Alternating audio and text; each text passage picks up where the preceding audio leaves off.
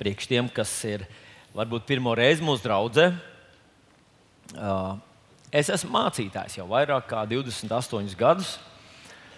Uh, un man nav tāds liels melns mētelis, bet uh, esmu mācītājs arī bez mēteļa. mācītājs bez mēteļa. Šodien es ticu, ka Dievs grib uzrunāt katru no mums. Un varbūt tu esi no tiem, kas esi ļoti reti bijis kādreiz dievkalpojumā, varbūt nekad neesi bijis, varbūt tu esi jau tik ļoti pieredzējis, ka tūlīt jau grasies atslēgties. Uh, tie, kas esat ilgāk prieku vēstī, zinat, ka es esmu uzaugusi baznīcā un es perfekti tikko mācītājs uzgāja kancelēs, tā iegrim tādā transā nelielā. Tā bija pieredze pie viņa balss. Varbūt tu esi pieredzējis pie, pieredzes pie manējās, bet tev vajadzētu būt nomodā, jo Dievs kaut ko grib pateikt šodien ar manu balsi, un tā viņš kādreiz dara. Raksturvieta, kur mēs iesāksim, ir vecajā derībā, pravieša iesaistas grāmatā, 55. nodaļā. Pravietis iesaistas 55. Un, uh, tie ir vairāk panti, kur, kurus gribu izlasīt, un tur mēs iesāksim. Tā tad pravietis Jēzeja šeit runā dieva tekstu vai dieva vārdu. Un rekā Dievs tātad saka šos vārdus ar pravieša muti. Jo manas domas nav jūsu domas, un jūsu ceļi nav mani ceļi, saka tas kungs. Cik augstākas ir debesis pār zemi, tik augstāki ir mani ceļi pār jūsu ceļiem. Nu, ko, tad, ko tad Dievs šeit cenšas pateikt? Viņš cenšas pateikt, ka, hei, hei, hei, ja jūs domājat, ka jūs domājat, ka tā kā es domāju, tad tas ir galīgi garām. Ja jūs domājat, ka es daru tā, kā jūs domājat, ka es daru, tad jūs neko nezināt. Vai tas bija saprotams? Tā tad, vai, jūs, vai jums kādreiz ir gadījies tā, ka jūs vērojat kādu cilvēku, un tad jūs pie sevis domājat, zinat, ko viņš paskatījās kaut kā, un jūs zinat, ko viņš pie sevis domāja? Nu, dažkārt man tā gadās ar manu sievu. Mēs esam laulībā vairāk kā 30 gadus. Un viņi kaut ko paskatās uz mani, un es zinu, ko viņi paskatījās, es zinu, ko viņi domāja, un tā tālāk. Es jau viņu drusku pazīstu. Un zināt, cik savādi kādreiz sanāk nu, tāds teoloģisks, uh, teoloģiska frāze - aplausties. Jā. Izrādās, ka viņi domā pavisam kaut ko citu. Un es domāju, es pazīstu šo cilvēcisko būtni jau vairāk kā 30 gadus. Es negribu kļūdīties. Jā. Vairāk kā 30 gadus. Un zinat ko? Un es īsti nezinu viņas domas. Un es šādi kļūdos arī viņas ceļos. Bet šeit Dievs konkrēti saka tev un man, un saka, tu domā, ka tu zini, ko es domāju. Mīļais draugs, atslābst. Tu neko nesaproti, un tu nezini, kā es rīkojos. Bet ar to viņš vēl nebeidz. Vēl viņš turpina, un tālāk viņš saka, tā, kā lietus un sniegs nāk no debesīm un turpina neatgriežas. Desmitais pāns tātad. Pirms tas nav veldzējis zemi, to apaugļos un tērpjas zaļumā, ka tā dod sēklu sējējam un maizēdējam. Tāpat tas ir ar manu vārdu, kas iziet no manas mutes. Tas neatgriezīsies pie manis tukšā, bet tam jāizdara tas, ko es vēlos, un jāizpild savs uzdevums, kādēļ es to sūtīju. Tātad, citiem vārdiem, Dievs saka, ka kas nodod vai kas var tev paskaidrot manas domas un manus ceļus, ir mans vārds. Un viņš faktiski šeit runā par to, ka kā lietus un sniegs apaugļo zemi, neauglīgu zemi, apaugļo lietus. Mēs šajā vasarā to piedzīvojam, ka vajag lietu, vajag lietu. Citādi viss mirst un kalst ārā. Vajag lietu, un lietus atnāk, un hū, pēkšņi tas, kas līdz šim izskatījās pēc tūkstnes, tūkstneša, pārvēršas par auglīgu dārzu. Tas pats notiek ar cilvēku, kad viņš savā dvēselē un savā sirdī pieņem Dieva vārdu. Ja līdz tam viņš atšķīrās no Dieva, nesaprata Dievu, nesaprata viņa ceļus, tad pieņemot viņa vārdu, viņš to sāk saprast un sāk līdzināties Dievam. Tātad tam vajadzētu būt tā. Tam vajadzētu būt tā, ja Dieva ceļi un viņa domas ir tik augstāki kā debesis pār zemi, tad nu, vispār tur nu, nav salīdzināms tās lietas tad vajadzētu būt tā, ka visas dieva reakcijas, dieva viedoklis un dieva metodes viņām vajadzētu radikāli atšķirties no cilvēciskām. Jūs piekrītat man? Un es pie sevis domāju, nu, kur, tad, kur tad mēs varētu redzēt tos dieva ceļus un dieva metodes? Un man nāk prātā viens vienīgs piemērs, kur mēs varētu ieraudzīt to, vai tiešām pie Dieva vai ar Dievu nav tā kā pie cilvēkiem. Tas ir Kungs, Jēzus Kristus. Vai jūs piekrītat man? Nu, un, zinat, un es tā sāku atcerēties dažādus faktus no Jēzus dzīves. Nu, sāksim ar to, ka tad, kad viņu nogalināja, viņu nogalināja vienā no barbariskākajām nāvēm, kādas vien vispār ir iespējams, kādu vien cilvēku mēs domājam, kas vien mokošāka, briesmīgāka, pazemojošāka nāve, kāda vien var būt, viņu tādā nogalināja.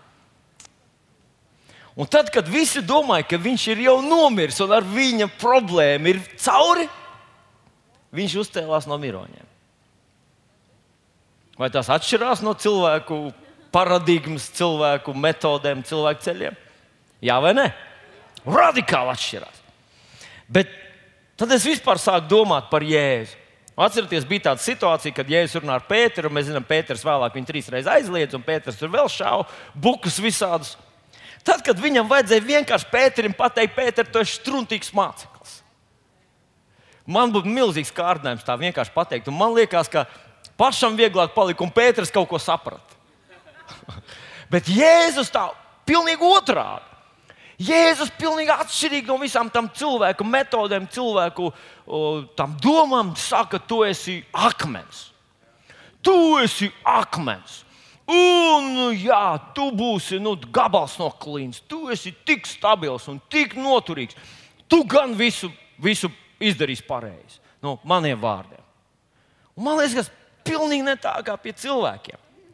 Skatieties, Jēzus stāv Romas vietvalžu priekšā. Šī bija tā iespēja, kur izmantot savu gudrību, savu īstenību, īstenot dairunību, tiešām tavu providenci. Jo tas Pilārs viņu varēja vienkārši šitā atbrīvot.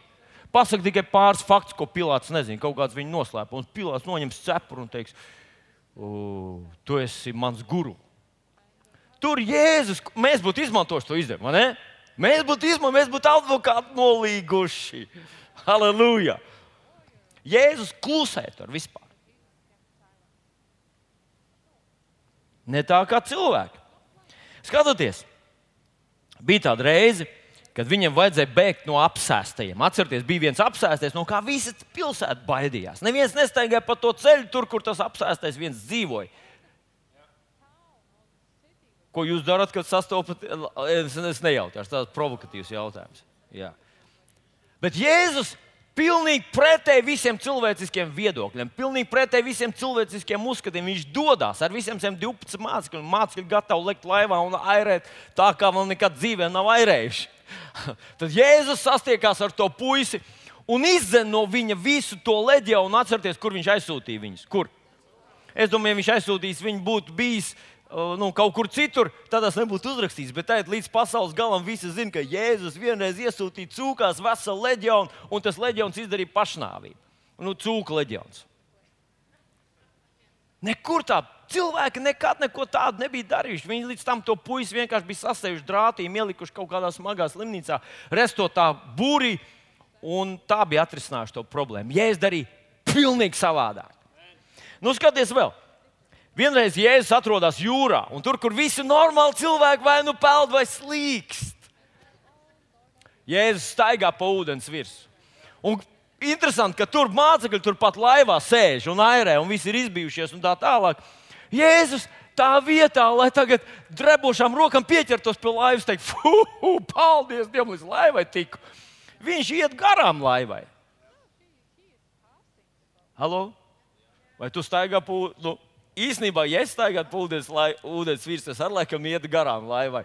Es gribētu redzēt to puikas sejas. Un uh, es zinu, ja tu sēdētu tajā slīkstošajā laivā un ieraudzītu, ka kāds iet vienkārši tev garām, nu, tavs seja arī izskatītos druskuļi izbrīnīt. Tātad, kad vajadzēja slīgt, viņš staigāja pa ūdeni.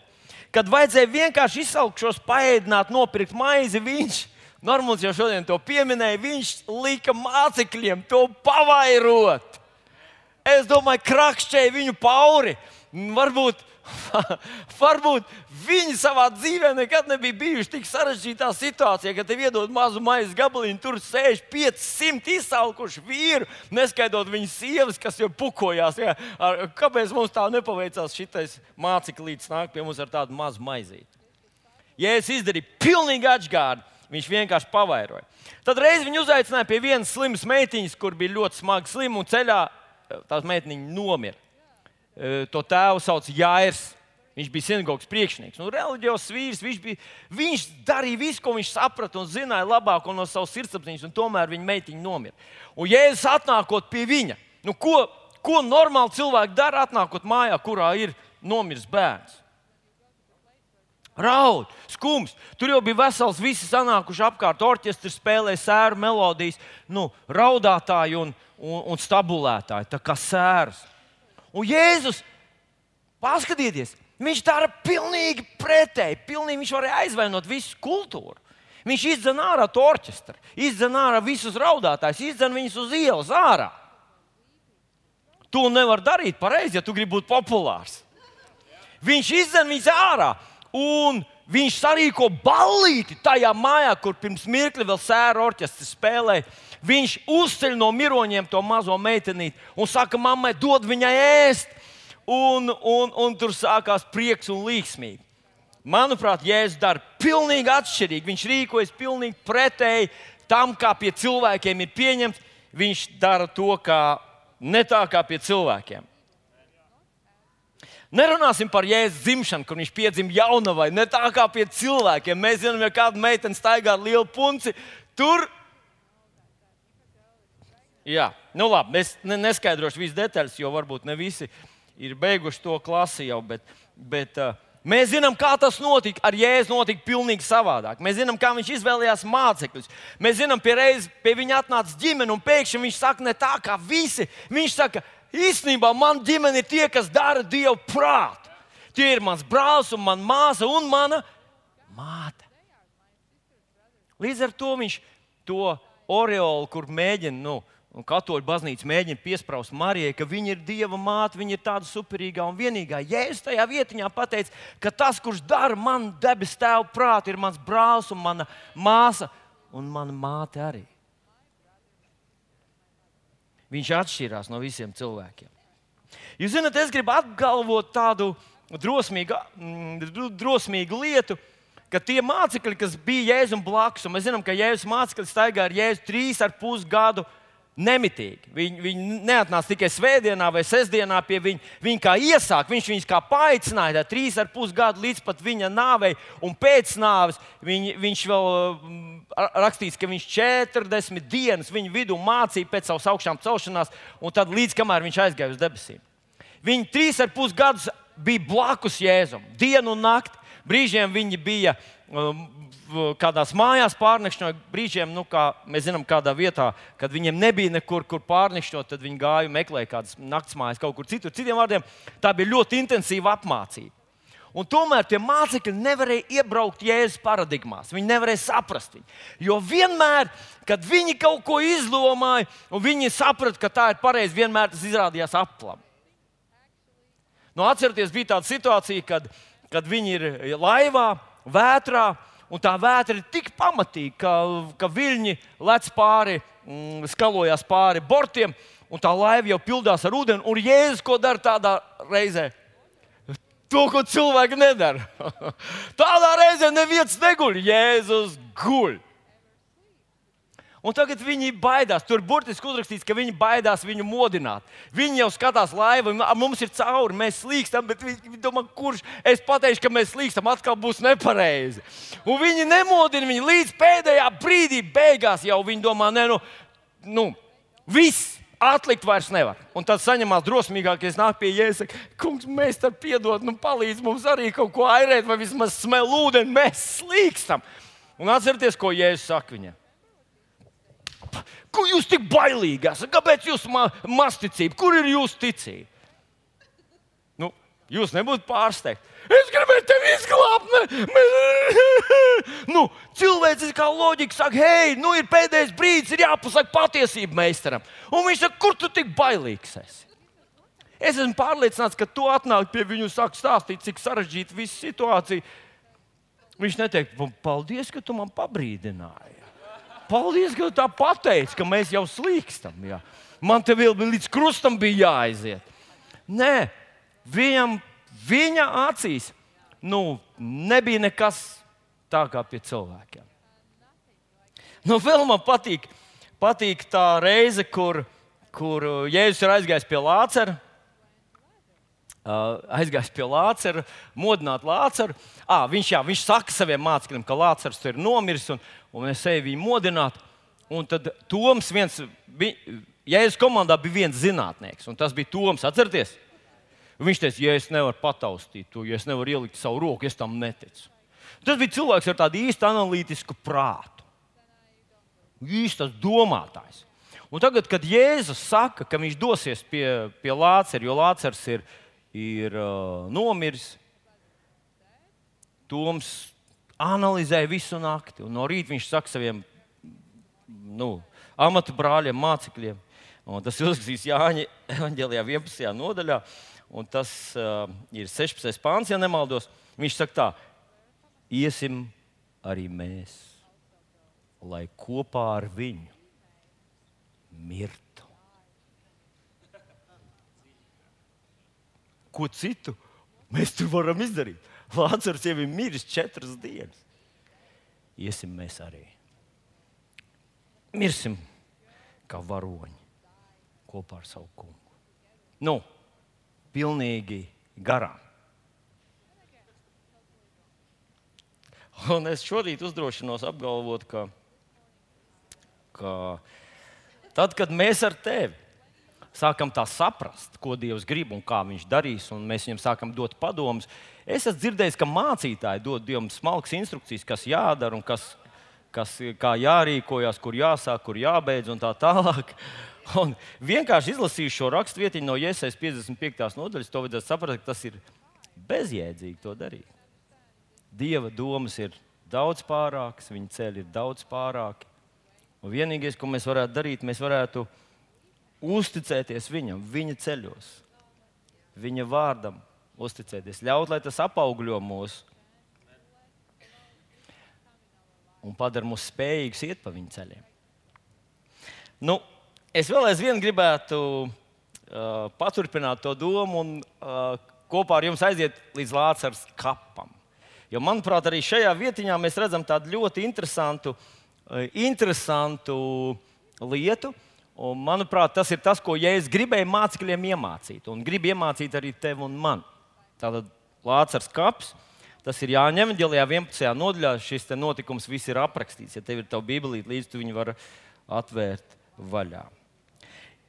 Kad viņš atnāk pie uh, Lācara, uh, mēs zinām, ka Lācaram ir uh, drusku pastāstījis to visu to kontekstu un vispār to bībeles skatu uz šo notikumu. Stāsts ir par to, ka Lācars ir nomiris, bet Lācaram ir divas māsas, Marta un kas bija otra? Un Marija. Jā.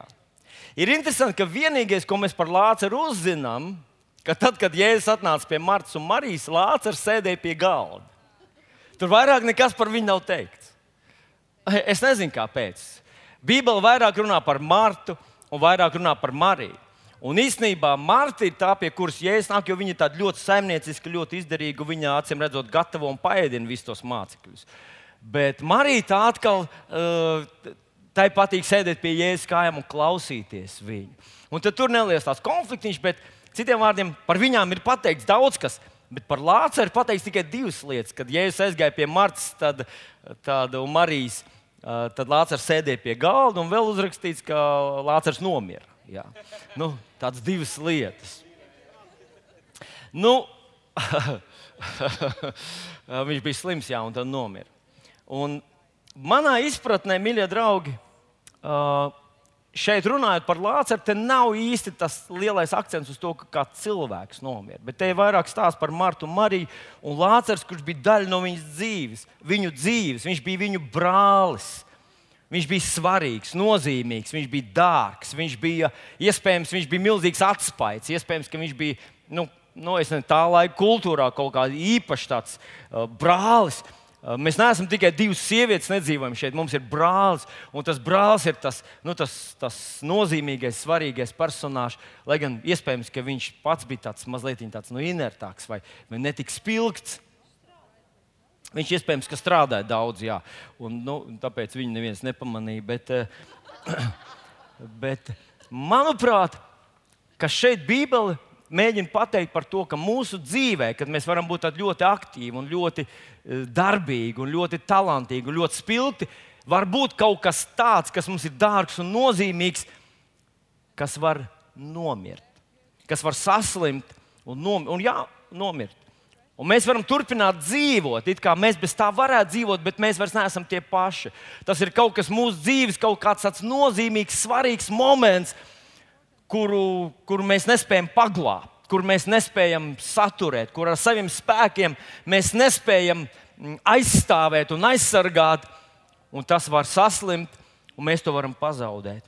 Un tad tas uh, ir ļoti, ļoti smagi. Un mēs redzam, kā māsa tajā situācijā rīkojas. Viņa sūta ziņu Jēzumam. Un man patīk redzēt, viņas, protams, nezināja, viņām nebija mobilo telefonu, nebija iespēja sazināties internetā, e-pastā, un nevarēja Whatsappā neko uzrakstīt un saņemt atbildi. Bet mēs zinām, tikko šī ziņa aizgāja pie Jēzus, Jēzus momentāli uz to reaģēja. Citiem vārdiem, viņš to uh, turēja savā prātā, viņš par to rūpējās, viņam bija plāns, kā to darīt. Tikai Marta un Marija to nezināja. Un viņš faktiski atnāk, to, atnāk pie viņām atnāk pie viņām četras dienas par vēlu. Jau ir četras dienas kā miris. Nu, un, lūk, es te lasu tātad, Jā, ņemaģēlijā 11. nodaļā, es lasīšu šeit no, no 17. panta.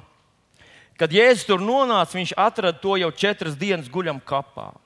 Bet Betānija bija netālu no Jeruzalemes, apmēram 15 stadiju. Un daudz jūdu bija atnākuši pie Martas un Marijas, lai mierinātu viņas par viņu brāli. Marta dzirdējusi par Jēzu, izgāja viņam pretīm, bet Marija palika mājās sēžot. Tad Marta sacīja Jēzum, kungs, ja tu būtu bijis šeit, mans brālis nebūtu miris. Arī tagad es zinu, ka viss, ko tu no Dieva lūgs, Dievs tev dos. Jēzus viņai saka, tavs brālis celsies augšā. Marta viņam saka, es zinu, ka viņš celsies augšā, kad miroņi celsies augšā pastarā dienā. Jēzus viņai sacīja, es esmu augšām celšanās un dzīvība, kas man tic, dzīvos arī, ja tas mirs. Nu, tātad viņš atnāk, atnāk pie viņām, bet neatnāk uz viņu māju. Vispār te ir ļoti interesanti viss tas stāsts. Un, ja jūs zinat ebreju tradīciju, tā laika tradīciju, tad tas kļūst mazliet skaidrāk. Pēc tā laika tradīcijām, teiksim, šādā gadījumā māsas pavadīja mājās piecas dienas sērojot. Viņas faktiski neizgāja ārā no mājas. Visi viņu draugi, un paziņas un radinieki zināja, ka piecas dienas pēc bērniem viņas būs uh, ir, tik, ir iespējams tikai divas vietas, kur viņas būs, bet visdrīzāk viņas būs mājās, un viņas sēdēs vai nu uz grīdas, vai uz tādas zemes soliņa, un vienkārši sēros. Piecas sēru dienas. Tās māsas nebija depresijā, viņas nebija nu, dumpī, viņas nebija sadusmojušās visiem, viņas nebija nu, tādā kondīcijā, ka negrib nevienu redzēt, viņas vienkārši sēroja. Un interesanti, ka tikko Marta izdzird par Jēzu. Es nezinu, kā viņi izdzirdēja par Jēzu, bet kaut kādā veidā viņi izdzirdēja par Jēzu. Viņa dodas prom no šīs sēru mājas, viņa atstāja savu sērus un dodas viņam pretī. Un tas ir neparasti. Tas ir neparasti. Jo parasti bija normāli, ka visi viesi nāk mierināt tur to sērojušos viņu mājās. Marta dodas ārā no sēru nama un dodas pretī Jēzum. Un viņām sākās saruna. Jēzum ar viņu sākās saruna. Un Jēzus saka tādus vārdus, kas ir vispār biedējoši, kas ir nu, nu, tā kā tādu aplam cerību izraisoši, un Marta neuzķerās uz to. Mēs redzam, ka viņa atbild tādām teoloģiskām klišajām. Mēs zinām, ka viņš celsies augšā pastarā dienā. Un kad Jēzus beig, beigās viņai tieši jautā, tavs brālis celsies augšā, es esmu augšām celšanās uz dzīvību, vai tad es tev neteicu, ja tu ticēsi, tu redzēsi Dieva varenību. Un viņš jautā viņai, vai tu tici? Ko viņa atbild? Viņa atbild ar teoloģiski neitrālu frāzi. Visu, ko tu Dievam lūgsi, es zinu, ka Viņš tev dos. Viņa nepasaka, vai ticēji vai nē. Es domāju, ka tas bija pāri normālai cilvēciskai ticībai. To, nu, kā saka, pie mums cilvēkiem tā nemēdz notikt. Viņš jau četras dienas ir tur. Es nezinu, vai jūs dzirdējāt vienu stāstu. Es te pavisam Pavisam nesen lasīju tādas ziņas, un viņas varbūt nav nekādas tādas priecīgas un gaišas, bet tomēr, ka viena apbedīšanas kompānija paņēmusi vienu no, no cilvēkiem, kas ir nomiris, un viņa ķermeni neielika leduskapī, bet vienkārši šīs dienas, kaut kādas trīs dienas, bija palicis vienkārši tajā karstumā. Un tad tie, tie cilvēki bija sašutuši, radinieki bija sašutuši, ka, tas, ka tas, tās miesas bija neliela, neliela auguma cilvēks. Tas bija, viņš bija piepams līdz pat zārka vākam. Un viņi teica, mēs nevaram apbedīt viņu, jo tas, tas viss, kas tur smaržoja, kas tur notika, kā tas izskatījās, tas bija briesmīgi. Un es saprotu, ka apmēram tā izskatījās Lācis. Un Marta un Marija, viņas zināja, tur bija 40 grādu karstums. Viņš bija četras dienas pavadījis tajā, tur, tajā karstumā. Tur. Tas nebija leduskapis. Un viņam normāli likās, tas nav iespējams. Tas nav iespējams. Bet, kā jau teicu, Jēzus ar Jēzu nav tā kā ar cilvēkiem, nav tā kā pie cilvēkiem. Viņš pēkšņi sāk runāt par augšām celšanos. Viņš sāk runāt tādus vārdus, kas cilvēkam izraisa kaut kādas šarmuļus, kaut kādas trīsas, kaut kādas vispār tādas, vai tas vispār šajā pasaulē kaut kas tāds ir iespējams. Un man šodien gribas teikt, mīļie draugi, ka šo gadījumu es pieminu tāpēc, ka Svētais Gars man parādīja to, ka tas nav vienkārši stāsts par kādu senu, senu notikumu bet par notikumu, kas var notikt katra mūsu dzīvē. Varbūt tā ir tava profesionālā darbība, varbūt tā ir tava ģimene, varbūt tā ir tava bērnība, varbūt tās ir kaut kādas lietas, kas tev ir tik ļoti smagi slimojušas un tad nomirušas, un tas ietekmē visu tavu dzīvi. Un tev vispār nekad neienāk prātā, ka var tur kaut kāds cits scenārijs notikt. Ka kaut kas var būt ne tā, kā tu jūti, ne tā, kā tas normāli pie cilvēkiem ir parasts. Varbūt tev kāds jau ir uzzīmējis tavu dzīves ceļu, varbūt tavs atlikušo mūžu, tavs atlikušos gadus, tas, kā tu nobeigsi, kā tu mocīsies, kā tu slimos, vai kā tas viss notiks. Un, un tas tā notiek pie cilvēkiem. Bet, ja tu esi paaicinājis kungu Jēzu Kristu, ja tu esi no visas sirds uzticējies kungam Jēzum Kristum, tad tev būtu jāatcerās un jāpatur prātā, ka ar viņu nav tā kā ar cilvēkiem. Ar viņu nav tā kā pie cilvēkiem. Un tagad paklausies. Visi lielie brīnumi, kurus Jēzus darīja, viņi vienmēr ietvēra sevi arī kaut kādu cilvēka komponenti. Jēzus izdarīja, nu, piemēram, viņš paēdināja tos 5000 ar četrām maizēm. Vai 4000, ne, ot, uh, 5000 ar 5 maizēm un 4000 ar 7 maizēm. Tur bija cilvēki, kam vajadzēja nest to, bet mēs skaidri zinām, ka neviens cilvēks nevar pavairot tik daudz maizes. To izdarīja Jēzus. Citiem vārdiem, Jēzus lielie brīnumi varēja notikt tikai tāpēc, ka bija kāds cilvēks, kas uzņēmās daļu no šī, piedalījās tajā brīnumā. Nu, piemēram, arī tajās kāzās, kur viņš pārvērta ūdeni par vīnu. Jūs atceraties, Un, un šeit ir tas, es to gandrīz gribētu likt kā tādu virsrakstiņu, uh, vārdus, kurus Jēzus māte saka Jēzum. Un tas ir uzrakstīts Jāņa Evanģēlijā, otrajā nodaļā, kur Jēzum, uh, Jēzus, saka tiem, Jēzus māte saka tiem sulaiņiem, ko viņš jums teiks, to darat. Viņa nezināja, ko viņš teiks. Ar viņu arī bija līdzīgi. Viņa, viņa centās saprast savu dēlu, viņa viņu pazina labi. Viņa, viņa viņu bija piedzemdējis, bet viņi labi atcerējās, kā tas piedzima.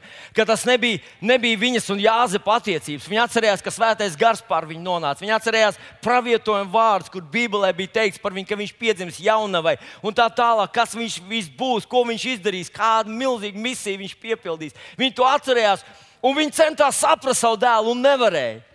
Bet viņi zināja, ka viņš ir tik ļoti atšķirīgs no cilvēciskā, no cilvēkiem un cilvēciskā. Un tāpēc viņi nevarēja pateikt, ko viņš teiks un kad viņš teiks. Bet viņi zināja, ka ja viņš teiks, to izdarīt. Vienalga, ko viņš teiks. Un es Vērojot to, ka Marta skrien jēzum pretī, skumjās un bērā, bērēs, kad ir tik daudz cilvēku, vēl pilna māja, kas viņus mierina un tur izsaka savas līdzjūtības un tā tālāk. Viņa gaidīja, intuitīvi gaidīja kaut ko, ko viņš teiks, un viņš teica tādus vārdus, ka viņi to nespēja sagramot.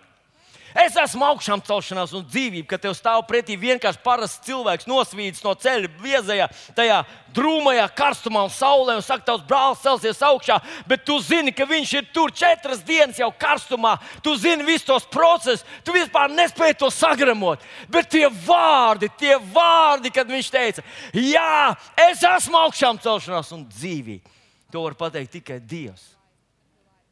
Huh. Un Jēzus māca, ko viņš jums teiks, to dara. Un tad viņš saka, paņemiet un piepildiet visus tos. Tur bija milzīgs trīs vai četras mucas. mucas. Viņiem būtu pieticis ar vienu mucu. Bet, ja es piepildītu četras, ak, Dievs, kāpēc četras? Mums nemaz nav vīna, mums nevajag uzreiz četras mucas.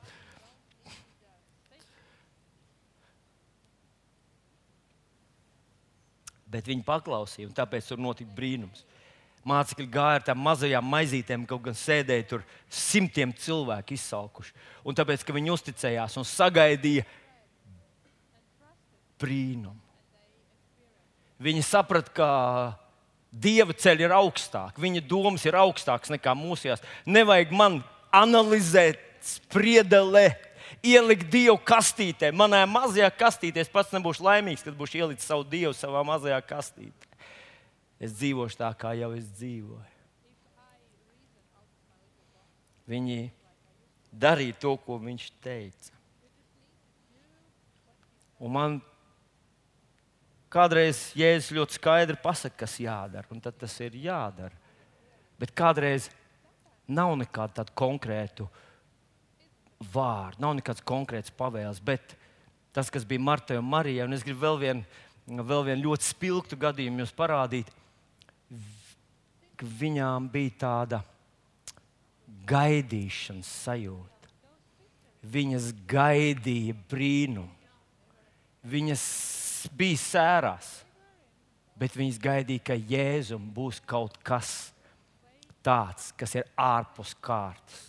Kaut kas neiederīgs, atšķirīgs, kaut kas pilnīgi traks var būt cilvēciskajās apzīmējumos, bet mēs to gribam. Un man gribas teikt, ka cilvēks, kurš pazīst Jēzu Kristu, viņam būtu jāpiemīt šim te, šim te uh, tam, tai sajūtai, ka ar mani nav vienkārši es pats un mana galva un manas divas rokas. Ar mani ir kāds, kurš ir radījis debesis un zemi kāds, kura ceļa ir augstāka nekā manējā, kāds, kura domas ir tik nesalīdzināmas pārākas par manējām. Un viņā visu laiku būtu jābūt tādam. Tādai sajūtai, Dievs, nē, nē, nē. aleluja, aleluja. Jūs zināt, man nāk prātā tas gadījums, kad Jēzus atnāk savā dzimtenes ciematā, kur visi viņu pazīst, neviens viņam netic. Visi domā, ka viņš mazliet viņa varbūt nu, ir kaut ko sajaucis un tā tālāk. Un tur rakstīts, ka viņš neko nevarēja darīt viņu neticības dēļ. Bet atcerieties, kas vēl tur bija teikts. Tik vien retiem vājiem viņš rokas uzlika un dziedināja viņus. Un es iedomājos, totāls neticības vidē totāls neticības atmosfēra. Tas tā kā tu būtu atnācis draudzē, kurā netic, ka Dievs kaut ko vispār dara. Vienīgais, ko mēs Dievu sastapsim, ir tad, kad mēs nomirsim, pārcels mūsu tas vecais vīrs, pārcels pāri Jordānai savā čīkstošajā laivā. Tad mēs ieraudzīsim mazo eņģeli, un tad iesim trīs gadus pa kalniem lejām, un, un, tā, tā, un tad ieraudzīsim iziesim cauri purgatorijam, un tad var būt. Nu, pat ja tu būtu nonācis tādā pēdējā neticības atmosfērā, ja tur ir Jēzus, viņš vismaz kādu dziedinās no gripas, kādam aizies galvas sāpes, kādam aizies katarakta, kādam auss atvērsies, kaut kas tam līdzīgs notiks. Jo viņa būtība ir tāda, ka viņš nevar vienkārši sēdēt, viņš nevar vienkārši. Un es domāju, pat ja tu būtu mirušo draudzē, bet mēs dziedātu dziesmas par Jēzu un lasītu viņa vārdu, tev vajadzētu teikt, kungs, kur, kur, kurā mirklī, kurā mirklī, kungs, ko tu šodien dari, kuru tu dziedināji, kuram šodien aizgāja galvas sāpes. Jūs zināt, paklausieties! Mums būtu jābūt. Un te, te, man, es, es esmu pārliecināts, ka Kristus gribētu, lai mēs tādi esam lai mēs sākam slavēšanu. Un varbūt tev viss ir ok, tev viss ir kārtībā, tev ir bankas konts, pilns darbs, tev ir pilns kaklam, mājās tev viss ir, viss, viss tev ir ok. Bet tu skaties uzmanīgi apkārt, kurš saņems dziedināšanu. Tu viņu, kuram paliks vieglāk, kuram viena atsā, nu, bija stikla, tagad būs īsta. Kuram kaut kas notiks, jo totāls neticības apstākļos, ja es vienalga kaut ko izdarīju.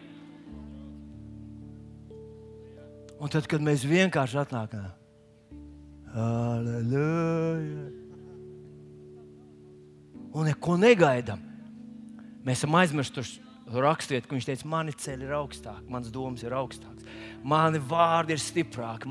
Es gribu darīt, tad, kad jūs vairs negribat, tad, kad jūs esat noguruši. Es vēl aizvien gribu iet tālāk, tad, kad jūs esat novilkuši līniju, sakat, ka mēs, tas ir viss, ko mēs esam spējīgi. Es gribu tevi vest vēl tālāk. Hei, vai tu vari sevi pamodināt šo te? Šo te šo tādu Dievs, ar maniem ir Dievs, ar maniem ir Dievs. Es neesmu dzīvē viens pats. Es esmu dzirdējis cilvēku, kas meklē dzīves vietu. Un tad viņi pameklē, pameklē un saka, nav. Kāds meklē darbu, pameklē, pameklē, pameklē. Nav, nav. Kāds, kāds kaut ko citu, bet, bet faktiski tas samierinies. Ja? Mans lācars ir nomiris četras dienas. Uzpamps, smird. Kas ir tavs lācars? Kas ir tavs lācars? Kas ir tas tev dārgs un nozīmīgs, kas varbūt ir smagi slims, varbūt jau ir miris? Kaut kas tas ir. Un šodien, draugs, Es gribētu, lai tu sadzirdi šīs Jēzus mātes vārdus, kur viņa saka, uzmanīgi klausies, uzmanīgi klausies. Kad viņš tev teiks, tad, tad darat! Ziniet, mums ir bijis tā, tādi uh, dievkalpojumi, kad es, es gribu nobeigt ar kādu konkrētu dziesmu, un tad es saku, kad es došu signālu, uh, tad tā kā. Uh, Zāne, jā, Zāne apsēdās tagad. Es nedevu viņai signālu. Viņa vienkārši sajūta, ka jāuziet augšā. Bet es nepasaku, kas tas signāls ir. Es aizmirsu pateikt, ka, kas tas signāls ir. Bet, kad es došu signālu, tad tu ej augšā lūdzu, un sāc to dziesmu spēlēt. Un, zinot, es esmu pārliecināts, ka visā zālē nav neviena cilvēka, kurš uzmanīgāk vēro mācītāju Vai tas ir signāls, viņš to roku mētā? Vai tagad bija signāls, viņš noraustīja valodu, viņš mirkšķināja? Tas bija signāls vai nebija? Kad, kad man jāiet, kas, kas ir signāls? Man liekas, ot, ot tādai būtu jābūt īsti kristieši. Tādai, tādai, kungs, ko? Kungs, kas ir? Kas tavi ceļi ir pārāk? Ja es, es, protams, staigāju pa zemi. Es zinu, Dievs nestaigā pa zemi, es staigāju. Bet es jau neesmu viens šeit. Paskatieties šo raksturību, pirmā ķēniņa vēstule, 18. nodaļa. Te ir pravietis Elīja 41, 44, 1 ķēniņa 18, 41, 44. Pravietis Elīja saka ķēniņam Māhabam, ka Dievs dos lietu. Un tas ļoti līdzīgi, kā mums bija šajā vasarā, bet paklausieties, tur lietus nebija līdz trīs gadus un sešus mēnešus. Trīs gadus! Trīs gadus! Mums nav trīs nedēļas līdz lietas. Un mēs domājam, ah, ah, ah, glābiet, posts, uh, ārkārtas situācija. Trīs gadus nav līdz lietas. Ķēniņš sasauc valdības sēdi par to, kā mēs varētu izglābt savus zirgus, tos dažus, kas mums vēl ir palikuši, kur mēs varētu zāli dabūt. Tā ir valsts mēroga stihija. Un Elīze saka, tagad Dievs dos tādu lietu, ka tas atrisinās situāciju. Tas bija drosmīgi. Bet paklausieties, rekurors lasu 43. pantā. Viņš saka savam puisim, viņš pats lūdz Dievu, bet viņš saka puisim tā: Ej, lūdzu, un skaties uz jūras pusi. Un tas aizgāja kalnu, raudzījās un sacīja, tur nav nekā. Un viņš sacīja, pravietis viņam saka, griezies turp un atpakaļ septiņas reizes. Septiņas reizes. Un notika. Tas puisis domā, kas man kājas loterijā vinnētas. Es varu aiziet un tur sēdēt. Nē, pravietis teica, man svarīgi, lai tu aiziet tur un tad nāc atpakaļ. Un es iedomājos, kā tas puisis jutās. Viņš bija vienreiz apskatījās, nav, nekas nav. Viņš nāk atpakaļ, pravietis jau no tālienes var redzēt viņa fizionomiju. Nekā nav. Kur reiz tā bija otrā? Nu, tevis priekšā. Es nezinu, man te jāstaigā. Viņš te sēž mierīgi ēnā un lūdz. Un paklausieties, viņš aizgāja otro reizi, trešo reizi, ceturto reizi, piekto reizi, sesto reizi. Taču katram zirgam ir skaidrs, ka sešas reizes gāja un skaties, un nekā tur nebija. Ka nekas nav, vai ne? Iebikstam, kurš teica, tas ir skaidrs. Pat latvietim pielikt pēc sestās reizes. Nekas nav, nedarbojas, nebūs nekādu lietu. Trīs gadus un seši mēneši globālā sasilšana. Tik daudz visādi teoriju ir izlaists, tik daudz dezodorants ir pūtuši mēs esam un tā tālāk. Tā tālāk. Nebūs vairs klimats ir izmainījies. Tagad lietus līs tur kaut kur, tur, kur mēs neesam. Tā... Ei! Bet viņš iet vēl septīto reizi. Un tad es domāju, esmu redzējis cilvēku, par kuru lūdzu par dziedināšanu. Un, un viņš tā, jā, jā, jā, nē, nē, nē nekas. Viss labi. Bet būtībā būtu jābūt vismaz septiņas reizes. Halleluja! Halleluja! Jā, jā, tā ir tikai pirmā reize. Ui, vēl sāp, nē, nē bet, bet, bet, bet. Un, un īstenībā man ir pārliecība, ka tas septiņi runā par pilnības skaitli. Tas nozīmē, nav konkrēti reizes, cik jāpaskatās. Bet, kad tu visu laiku staigā tajā, Dievs, par maniem aizlūdz, uz tavu vārdu pamat. Mēs izdarījām pēc tavu vārdu, halleluja, halleluja, kā ir šodien. Un tu iedomājies, ka tu celies katru jaunu rītu, un tu pārbaudi, un tu, vai es varu līdz zemē aiziet. Jā, halleluja, jā, brīnum. Nu, es nezinu, kā tu to dari, bet es saprotu, ka, ka tikai tāds cilvēks, kurš gaida brīnumu. Viņš gāja, viņš rēķinās ar Jēzus faktoru savā dzīvē. Viņš saprot, ka Dievs ir vairāk nekā viņš, augstāk nekā viņš. Tikai tāds cilvēks piedzīvo viņa brīnums. Jo atcerieties, Dieva daļa un cilvēka daļa. Šajā rītā es esmu pārliecināts, ka Dievs gribēja pieskarties kādam. Es esmu pārliecināts, ka viņš gribēja dziedināt kādu ausu, kādu aci. Viņš grib dziedināt uh, kādu dvēseli. Varbūt kādam, kurš baidās no dzīves, kurš vispār ir nu, pat dzīves staigā tā kā tāds nosodītais. Viņš var dot spēku pēkšņi. Pēkšņi. pēkšņi. Es nevaru aprakstīt smalkāku situāciju, man nevienam nekas nav jāpierāda. Manā dzīvē bija tāda viena lietiņa, no kuras es baidījos mēnešiem ilgi. Un tad vienā dienā es sajūtu, ka es nebaidos. Ziniet, tu burtiski sajūti, es visu laiku baidījos. Un es vairs nebaidos, un es to izdarīju. Huh, sanāca ļoti labi. Nekas īpašs neaplaupīja nevienu banku, nekas tam līdzīgs. Bet tāds ļoti personīgā līmenī es pārvarēju kaut kādas savas bailes. Un viss Un es sapratu, hei, hei, ar maniem ir kungs Jēzus Kristus. Un ar viņu nav tā kā ar cilvēkiem, jo viņš nav cilvēks. Viņš ir Dieva dēls, debesu un zemes radītājs. Halleluja! Draugi, izdarīsim tādu lietu. Piecelsimies visi kājās. Aizvērsim ciet savus acis. Un es ļoti gribētu, lai kā Elīze sacīs tam savam kalpam, ej, lūdzu, turp un atpakaļ septiņas reizes. Un skaties, un skaties. Un tad tas Tas kalps vienā mirklī saka, tur ir tāds mazs mākslinieks, kā vīra plauks. Tas nozīmē, vispār nenozīmīgs. Vispār tur nav par viņu ko runāt. Meteorologi vispār nepamana to, vispār neskatās uz to, nemēra viņu, neskatās uz kuriem viņš peld vai ko, bet kaut kāds mazs signāliņš. Un viņš atnāk un saka, tur ir tāds mazs mākslinieks, bet tam jau nekā nav. Un Elīze saka, kā! Tu zini, tad, kad Dievs dara brīnumu, tu nosaki tā mērogu tu nosaki tā apmērus.